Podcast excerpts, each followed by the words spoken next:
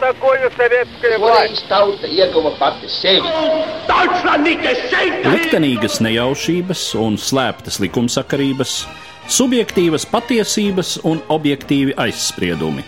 Pēc atkušņa nekad nenāk uzreiz pavasars, bet sākās Arī šodien cilvēki ir ļoti tūredzīgi. Viņi redz to naudu, kas ir. Televīzijā jau pamatā notiek cīņa par varu. Pagātne no šodienas skatu punkta un šodienas caur pagātnes prizmu. Raidījumā šīs dienas acīm. Katru svētdienu Latvijas radio eterā Eduards Liniņš. Labdien, cienījamie klausītāji! Šis raidījums būs veltīts nevis pagātnē, bet gan šodienai. Šī gada maijā, uzturoties Briselē, tikos ar drošības eksperti, organizācijas Vācijas Savienoto Valstu Maršala fonds vecāko līdzstrādnieci Kristīni Bērziņu. Mūsu sarunas temats - pašreizējā Eiropas drošības situācija un tās nozīmīgākie apdraudējumi. Tikšanās notika pateicoties ziņu raidorganizāciju apvienības Euronet Plus atbalstam. Es strādāju Vācijas Maršala fondā. Angliski tas ir German Marshall Fund of the United States. Ļoti sarežģīts nosaukums, bet organizācija tika dibināta 70. gados ar līdzekļiem, kurus Vācija nebija iztērējusi no Maršala plāna. Bija jautājums, ko ar viņiem tālāk darīt. Un tad Vācijas valdība veidoja privātu fondu Vašingtonā, kurš turpinātu veicināt transatlantiskās attiecības. Un tā kopš 70. gadiem mēs paplašinamies un augam un turpinam veicināt labu sadarbību starp Eiropu un ASV, arī Kanādu un visādās jomās. Mēs rakstam pētījumus, veicinām sadarbību politiskajā līmenī starp amatpersonām Ziemeļamerikā un Eiropā, organizējam konferences, diskusijas, seminārus bet arī ir visādas privātas stipendijas, gan amatpersonām, privātam sektoram, biznesam un tā tālāk lai Amerika un lai Eiropa kopā atrastu kaut kādu savu valodu un turpinātu arī attīstīt produktīvas attiecības nākotnē. Ja mēs paskatāmies uz Eiropas karti, tad kuri ir tie aktīvākie sadarbības partneri? Kā kurā brīdī arī man liekas ļoti mainīga šobrīd tā situācija. Varbūt šobrīd nevar tā vienkārši sadalīt, kā piemēram varbūt prezidenta Buša laikā, kad bija rietumu un austrumu vecā jaunā Eiropa un viss. Tagad katrai valstī ir drusku savas attiecības ar Amerikas Savienotām valstīm. Piemēram, Lielbritānijai ir labas, Francijai arī var būt labas, bet Vācijai var būt sarežģītākas šobrīd attiecības. Un Baltijas valstīm, Polijai arī ļoti tuvas. Var teikt, ka arī Ziemeļvalstīm nav slikta šobrīd, bet ir tā arī ļoti no personībām atkarīgas šobrīd tās attiecības un vispār lielākā politika. Jo vai prezidentam Trumpam vai patīk cits valsts vīrs vai valsts sieva, tas arī ir ļoti no svara. Un Vācija šobrīd sparojās pretī, tāpēc varbūt tur ir tādas attālinātākas tās attiecības. Pievēršoties drošības jautājumiem, sāksim tā ļoti vispārīgi. Kas šobrīd ir galvenie drošības apdraudējumi Eiropai kopumā? Eiropai kopumā ir daudzi drošības apdraudējumi no visām pusēm. Ar to atšķirās šis mūsu laikmets no visiem iepriekšējiem. Agrāk varēja teikt tā, ka bija draudi augstākā laikā Rietumē Eiropai no Padomju Savienības, bija uzskats tā, ka bija tāds viens lielais drauds. Pēc tam 90. gados, 2000. vairāk bija draudi kaut kur tālāk pasaulē, kur arī bija jārisina situācijas, un tad vairāk bija NATO un citi uzdevumi operācijas kaut kur tuvos austrumos Afganistānā.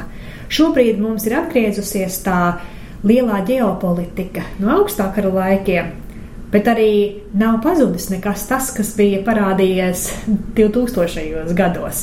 Jautājumi tuvajos austrumos, Afganistānā, tie vēl joprojām ir tikpat aktuāli, cik viņi ir bijuši. Vienkārši mēs varbūt viņiem mazāk pievērsim uzmanību ikdienā. Bet tie draudi ir saistīti ar to, kas notiek arī mums mājās, katrā pilsētā, katrā Eiropas dalības valstī. Tie ir terora draudi, kur uztrauc tādā pilsoniskā līmenī tas ir tas lielākais apdraudējums. Lielā politiskā līmenī varbūt uztraucās par lielvalstīm, Bet tas, vai mēs varam brīvi un droši braukt ar metro, ceļot, kāpt prāmjos, lidmašīnās, par to ir ļoti satraukusies Eiropas sabiedrība. Tāpēc ir tie vietējie, tie ikdienas draudi, kur ir daudz jūtamāki nekā iepriekš. Ir tie lielie, tuvie austrumu draudi, ir Krievijas jautājums atgriezies. Mēs visi cerējām, ka tā nebūs, ka tas būs pagātnē palicis. Plus vēl tagad skat, jāskatās, kad ir Ķīnas jautājums, ka Ķīna iesaistās Eiropas tuvienē vidusjūrā, parādās ar flotēm jautājums, kā sadarbojās Ķīna ar citiem Ķīnas drošības jautājums. Ziemeļkoreja. Visas šīs lietas pamatā ir šie lielie jautājumi, par kuriem mēs uzskatām, piemēram, Ziemeļkorejas jautājums. Varbūt tas ir vairāk Amerikas drošības jautājums. Kāda raķete var aizlidot līdz San Francisco? Tikpat labi var nonākt Eiropā. Un tā realitāte ir tāda, ko grūti izprast un grūti izstrādāt politiku, kā lai aizsargātu sabiedrību no visiem šiem draudiem. Kas no tā visa vairāk skar mūsu reģionu, Baltijas reģionu un Latviju? Latvijai dabīgi visaktuālākais ir Krievijas jautājums. Robeža ir un visjūtamākā ir tieši Krievijas problēma.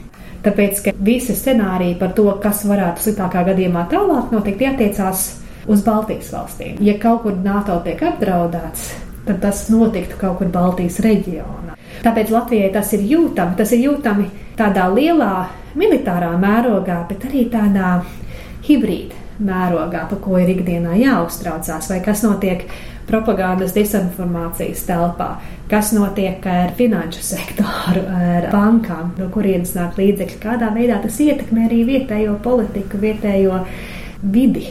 Un tas ir visnopietnākais draudz Latvijai.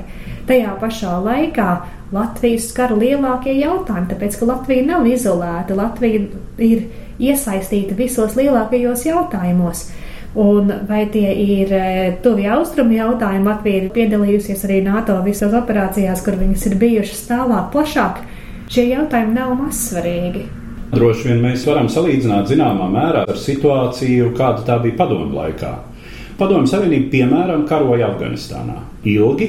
Tur, protams, gāja bojā tik sakropļot jaunu latviešu puiši arī tā skaitā bet mēs nekad tajā laikā neizjutām kādu iespēju, ka šis karš varētu apdraudēt Latviju tādā ziņā, ka, piemēram, kāds afgāņu močahets ierastos un uzspridzinātu bumbu Rīgas centrā. Šobrīd, protams, daudz mazākā mērā nekā Rietumē, Eiropā, bet kaut kur mēs pieļaujam kādu iespēju, jo ja jau automašīna var ietriekties cilvēku pūlī Stokholmā, robežas jau faktiski nepastāv lielā mērā, un mēs arī gribam, lai tās neatjaunotos, lai mums būtu šī vienotā pārvietošanās ziņā Eiropa, tad tas ir arī mums kaut kas jauns, ar ko ir tā kā jāaprod.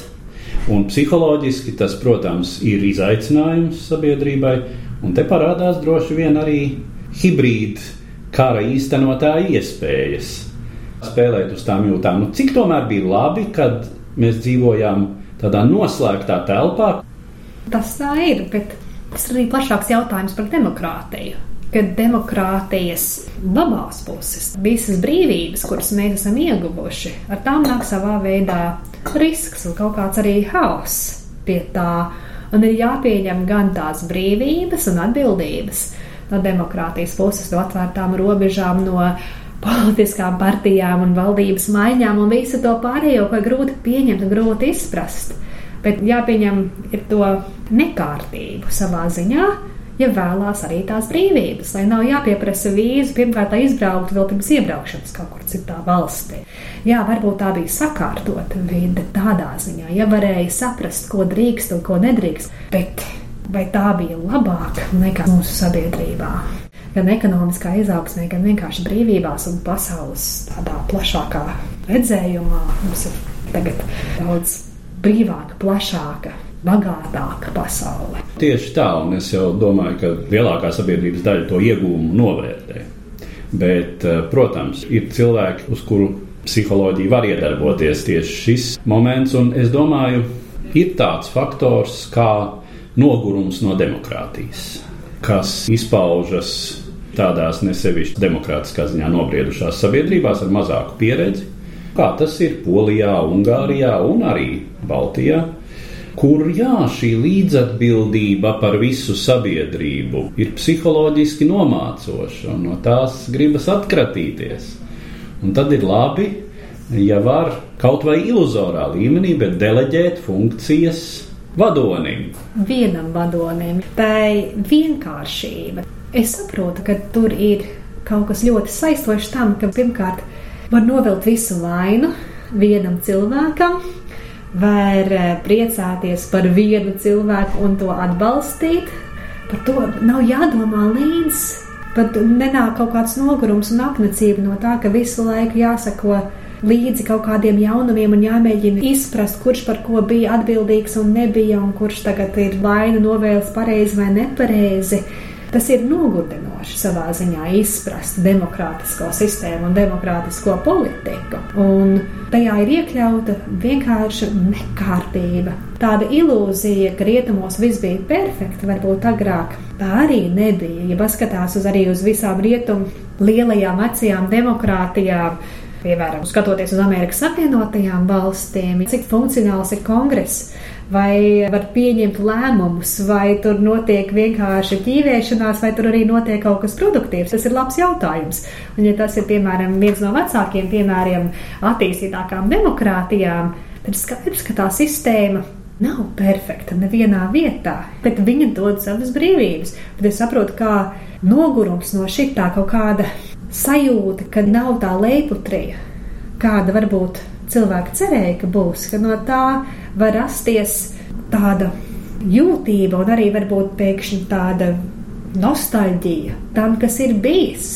Bet arī, protams, aizmirsās tas, kas bija slikts, un arī sapņi par leiputrīgu un nostalģijas, tās visas ir ilūzijas. Un dzīve ir sarežģīta. Ir grūti par to samierināties no vienas puses, un otras puses, ja politiķis parādās un saka taisnību, ka nebūs uzreiz viss brīnišķīgi, ka šī sistēma ir sarežģīta, ka viņu ir jāizprot un jāizdziļinās, un ka vajag pacietīgam būt. Ar to ir ļoti grūti nopelnīt balsis. ir vienkāršāk pateikt, balsojiet par mani, es būšu, un viss būs kārtībā, un būs lielākas algas, un viss būs prīmā, un nebūs nekas no bardaka vairāk. Bet tā nav taisnība. Tā parasti nav taisnība.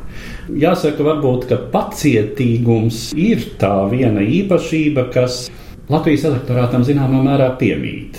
Un, uh, mēs atceramies pēckrīzes laiku.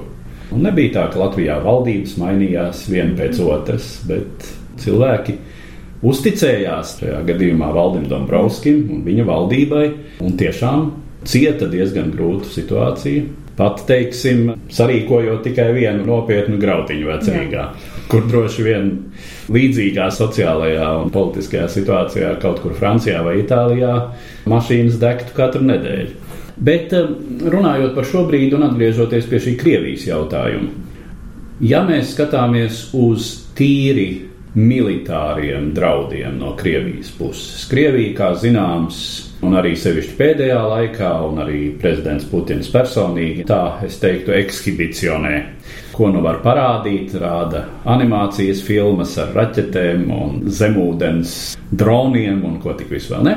Bet, ja mēs skatāmies uz to reālo militāro un uh, militāru industriālo segumu, kas Krievijai ir, kā šo potenciālu var novērtēt? Krievija ir ļoti ieguldījusi tieši savās militārajās kapacitātēs ekipējumā, visādu raķešu sistēmu attīstībā. Pirmkārt, arī vienkārši tehnoloģiski ļoti attīstījusies militārajā jomā. Otrakārt, ieroču novietojums Kaļiņgradā īslaicīgi vai uz visiem laikiem arī vien nav skaidrs. Tas arī ir apdraudējums. Ja pirmkārt, ir tas, kas Krievijai ir pieejams, un otra lieta ir, kur atrodas tie ieroči. Ja, un abos gadījumos Baltijai ir iemesls uztraukties par to. Arī, protams, kopējais Krievijas militārais budžets. To nevar salīdzināt ar NATO kopējo militāro budžetu. Bet kādā veidā Krievija savus līdzekļus ir ieguldījusi, īpaši arī meklējot vājības NATO sistēmā, un tas ir kaut kas arī ļoti svarīgs. Tāpēc, ka ja var atrast tieši svarīgākās vājības vai rietumu lielās tehnoloģijās, ar ko varētu viņas kaut kādā veidā neutralizēt. Ja to var izdarīt, tad arī kopējie budžeti varbūt nav nemaz tik svarīgi. Un šitie ir tie lielie jautājumi, ar ko NATO un militārām vienībām rietumos, ar kurām ir jārēķinās. Tāpēc, ka mūsu ilgais miera periods, kas ir bijis, tā miera perioda dēļ sabiedrībām ne īpaši gribās ieguldīt daudz nodokļu maksātāju naudu tieši arī tehnoloģiskajā pētniecībā Eiropā un Amerikā. Ir tomēr citi jautājumi - veselība un izglītība, tādi, kas liekas daudz aktuālāki sabiedrībai. Un tāpēc mēs esam nonākuši punktā, kur Vācijā helikopteri nevar lidot, lidmašīnas arī nedarbojās, un lielākā daļa no tankiem, kuriem ir kaut kāda jēga, ir ievietot Polijā, nevis pašā Vācijā.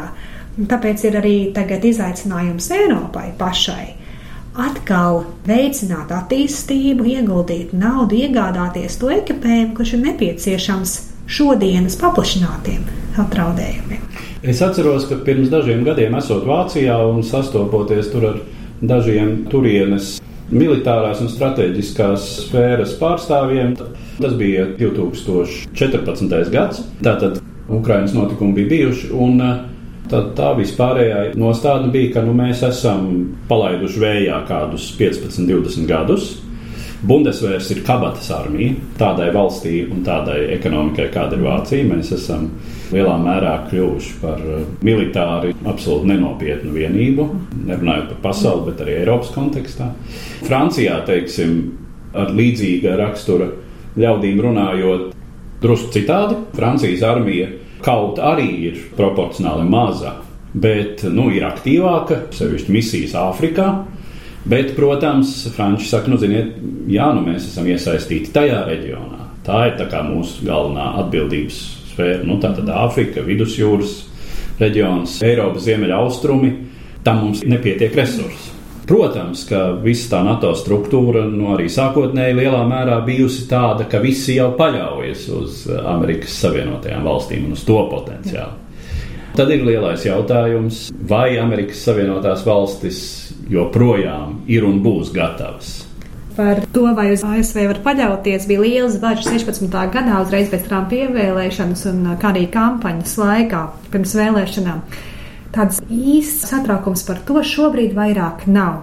Tāpēc, ka viss tagad šīs administrācijas laikā liecina par to, ka viens jautājums, ka politika nav mainījusies un varbūt pat ir padziļinājusies, ir stiprāka palikusi, ir drošības politikas jautājums attiecībā uz Eiropu. Ja par šito bija lieli jautājumi kampaņā, tad, ja reāli paskatās, kur ir ASV ieguldījumi, tagad militārie budžets Eiropas aizsardzībai ir daudzkārt palielinājies. Ir ne tikai NATO vienības Baltijā un Polijā, bet ASV pat no savas puses to papildina. No aizsardzības sekretāra puses nav nekādu jautājumu par to, ka šitai politikai un rīcībai būtu kaut kāda mazāka vērtība. Īsumā, jā, uz Trumpu šobrīd var paļauties. Kanclere Merkele bija Vašingtonā, viesojās ar prezidentu Trumpu un jautājums par Vācijas aizsardzības budžetu tika pacelts. Vācijai ir otrā lielākā ekonomika NATO, un viņai būtu daudz vairāk jāiegūt naudas aizsardzības resursos. Un par to prezidents Trumps arī aizrādīja. Neskatoties uz to, ja skatās, kur notiek koprojekti, militārā mobilitātē, vai kur veidos jaunus NATO veselības, slimnīcas, medicīnas centrus un tā tālāk. Notiek ļoti dziļa sadarbība starp Vāciju un Amerikas Savienotām valstīm. Tur pat tajā vietā, kur ir vislielākās nesaskaņas par budžeta jautājumu, notiek vēl joprojām ļoti padziļināta sadarbība. Un tas liecina par to, ka tās attiecības aizsardzības jomā tiešām ir tādas ļoti, ļoti izturīgas. Tur ir patiešām dziļas saknes, kuras tik ātri neaizmirstas. Es domāju, ir jāatjauno mazliet piemirst ieradumi dažiem Eiropā, un pie tam Eiropā notiek arī jauni procesi, kur laikam nepārprotami Krievijas pēdējo gadu rīcība to ir veicinājusi. Nu, piemēram, ja mēs zinām, ka Zviedrijas nākamajās parlamentu vēlēšanās šķiet viens no izšķirošajiem jautājumiem būs par to, vai Zviedrijai pievienoties vai nepievienoties NATO. Nu, un arī skatoties uz nu, pat prezentēto Eiropas Savienības daudzgadu budžetu, tad trīs reizes vairāk līdzekļu projektā paredzēti Eiropas ārējās robežas nostiprināšanai. Nu, protams, tur pirmais akcents ir uz vidusjūras reģionu un šo bēgļu nekontrolētās migrācijas problēmu. Bet tas, protams, attiecas uz visu Eiropas ārējo robežu, nu, tā skaitā arī uz Latvijas austrumu robežu. Bet, um, ja mēs skatāmies uz NATO valstīm, kā šobrīd ir ar Turciju? Ar otru militāri spēcīgāko armiju šobrīd NATO, tūlīt pēc Savienotajām valstīm, arī pastāvīgi aktīvu armiju ar vairāk vai mazāk svaigu kaujas pieredzi, bet šīs valsts politiskā situācija, tas nu jau tikai pusdemokrātiskais režīms, kas tur ir. Turcija ir ļoti interesants jautājums, un, un ir sarežģīta situācija. Ņemot vērā, ka Turcija ir vēl joprojām ļoti svarīga NATO dalības valsts, uz kuras robežām notiek aktīvs karš kurā ir iesaistītas ļoti daudzas valstis no visādām pusēm. Šis ir Sīrijas jautājums. Turcija nav vienasprātis ar daudzām Eiropas valstīm par Sīrijas jautājumu. Turcija attīsta savu politiku ar Krieviju, ar Irānu, ar Zīriju, ar citām valstīm, kas nevienmēr sapas ar citu valstu politiku. Un Turcijai arī nākotnes cerības iestāties Eiropas Savienībā tas jautājums ļoti mainās. Ja daudzus gadus bija tā cerība un doma, ka tomēr arī politiski satuvināsies Eiropas līmenī, Turcija Eiropas Savienība, šobrīd tās cerības ir ļoti mazas un arī nav tāda sajūta no Turcijas puses, ka šī būtu kaut kāda īpaša vēlme tādā plašākā līmenī. Un tad ir jautājums, kurā brīdī Turcija var palīdzēt NATO veicināt kopējos mērķus un attīstība, un kurā brīdī Turcija paliek par kaut kādu sarežģījumu. Tas arī katrā situācijā drusku atšķirās. NATO ir drošības alianse, aizsardzības alianse, bet, lai NATO pieņemtu lēmumu, tur nav vairākuma jautājums. Visiem ir kopbalsīgi jāpieņem jautājumi visām 29 dalību valstīm. Un tā nu visiem kopā kaut kā ir jāsadarbojās. Un jā, jātiek galā gan ar Sīrijas jautājumu, ar dienvidiem, ar tuviem austrumiem, gan ar Krievijas jautājumiem un ar nesko citu vēl, kas parādās. Un tā ir sarežģītāk arī NATO struktūrās sadarboties ar tām valstīm, kuras, piemēram, nav arī Eiropas Savienībā un kur ir vēl kaut kādi citi sarežģījumi. Tas nav tikai Turcijas jautājums, bet drusku arī Ungārijas jautājums. Teorētiski NATO ir valsts alianse, kur sastāv no demokrātiskām valstīm, bet ko darīt, ja valsts nav vairs demokrātiska? NATO ir tāda pieredze. Savā laikā Grieķija netika atskaitīta, tāpēc, ka tur bija hunta pie varas. Un Portugāla arī tāds jautājums bijis. Tā kā ir tā pieredze, bet to pieredzi drīzāk ignorē, par to nerunā. Un cerams, ka situācija mainīsies tā kā Portugālē un Grieķijā, un ar laiku par to nebūs vairāk jāuztraucās. Bet tas ir sarežģījums. Un vai tādēļ NATO ir tik spēcīgs? Cik varētu būt? Grūti pateikt. Bet arī klupšanas akmens kaut kāds liels visam austrumu jautājumam, es neteikšu, ka tas ir kaut kā jūtams. Protams, no vienas puses, reālu apdraudējumu gadījumā notiek konsolidācija. Bet tā problēma, pie kuras mēs nonācām, cik lielā mērā mēs varam paļauties uz valsti, ja tā vairs nav demokrātiska. Nu, labi, šobrīd nevar teikt, ka Polija vai Ungārija nebūtu demokrātiskas. Jā, tur ir dažas totalitāras sistēmas pazīmes parādījušās. Nu, pat nesen bija vēlēšanas Ungārijā, un tās nebija vēlēšanas Krievijā, Jā. kas būtībā ir pie varas esošā līdera un viņa politiskā spēka ceremoniāla pilnvaru apstiprināšana, kurā sabiedrība, starp citu, savā vairākumā arī labprāt iesaistās un spēlē pēc šiem noteikumiem. Tomēr Ungārijā bija jautājums. Cita lieta, ka demokrātiskie spēki ir tik vāji un sadrumstaloti, ka nu nebija nekādu cerību. Protams, ir demokrātiski jautājumi, bet vēl nav totalitāri režīmi iestājušies Eiropas Savienības valstīs vai Turcijā. Mēs vēl tādus robežas neesam šķērsojuši, un arī nevar teikt, ka mēs viņus ar lai šķērsosim, jo tomēr viens solis priekš, viena atpakaļ, un viss kaut kā, un katras vēlēšanas arī ir labs jautājums par to, kas varētu notikt tālāk. Bet šitie ir Eiropas jautājumi, un tie ir vienmēr arī drošības jautājumi. Tāpēc, ka to, cik saliedēta ir sabiedrība, cik sadrumstalota, tas arī ietekmē to, cik ļoti var iejaukties tajā sabiedrībā un izmantot iekšējās vājības kaut kādiem citiem nolūkiem. Piemēram, te ir drusku atkal par Krieviju, bet ja mēs skatāmies kādā veidā sabiedriskos mēdījos un tajā Twitter, Facebook telpā, ja iejaucās piemēram, tie boti vai īsti cilvēki. Troļi. Troļi, troļi vai boti, ja iejaucās kaut kādās sarunās, tās bieži nav sarunas par Krieviju vai par ārpolitiku. Tās bieži ir tieši iekšpolitiskās sarunas par to, kas notiek vietējā telpā, vai tie ir sabiedriski jautājumi, vai kultūrāli, vai kā, bet tie ir tādi tuvāki jautājumi, un jo sadrumstalotāka ir mūsu sabiedrība, un jo dusmīgāki mēs viens uz otru paliekam, jo vairāk tieši to var izmantot, lai mūsu valstis, lai mūsu tautas kaut kā negatīvi ietekmē. Mēs to redzam katru dienu, redzam Twitterī, Facebookā, citur, kur izmanto tieši tās dusmas un neizpratni daudzās sabiedrībās. Un to sāsina vēl vairāk, un cilvēks viens pret otru pagriež. Tā kā mums arī par to ir jāuztraucās. Viena lieta ir jāmaisās un demokrātiskās valstīs, un debates nāk par labu, un vajag, protams, izrunāt visādas lietas, bet tās dusmas, kuras tiek uzkurinātas visādos jautājumos, tas mūs apdraud. Kā uz šiem jautājumiem skatās tādā drošības stratēģijas līmenī? Uz šo mērķtiecīgo sabiedrības sarīdīšanu, kas nepārprotami ir viena no Krievijas īstenotās agresijas daļām tajā pašā Ukrainā, un kas tiek īstenots arī citur.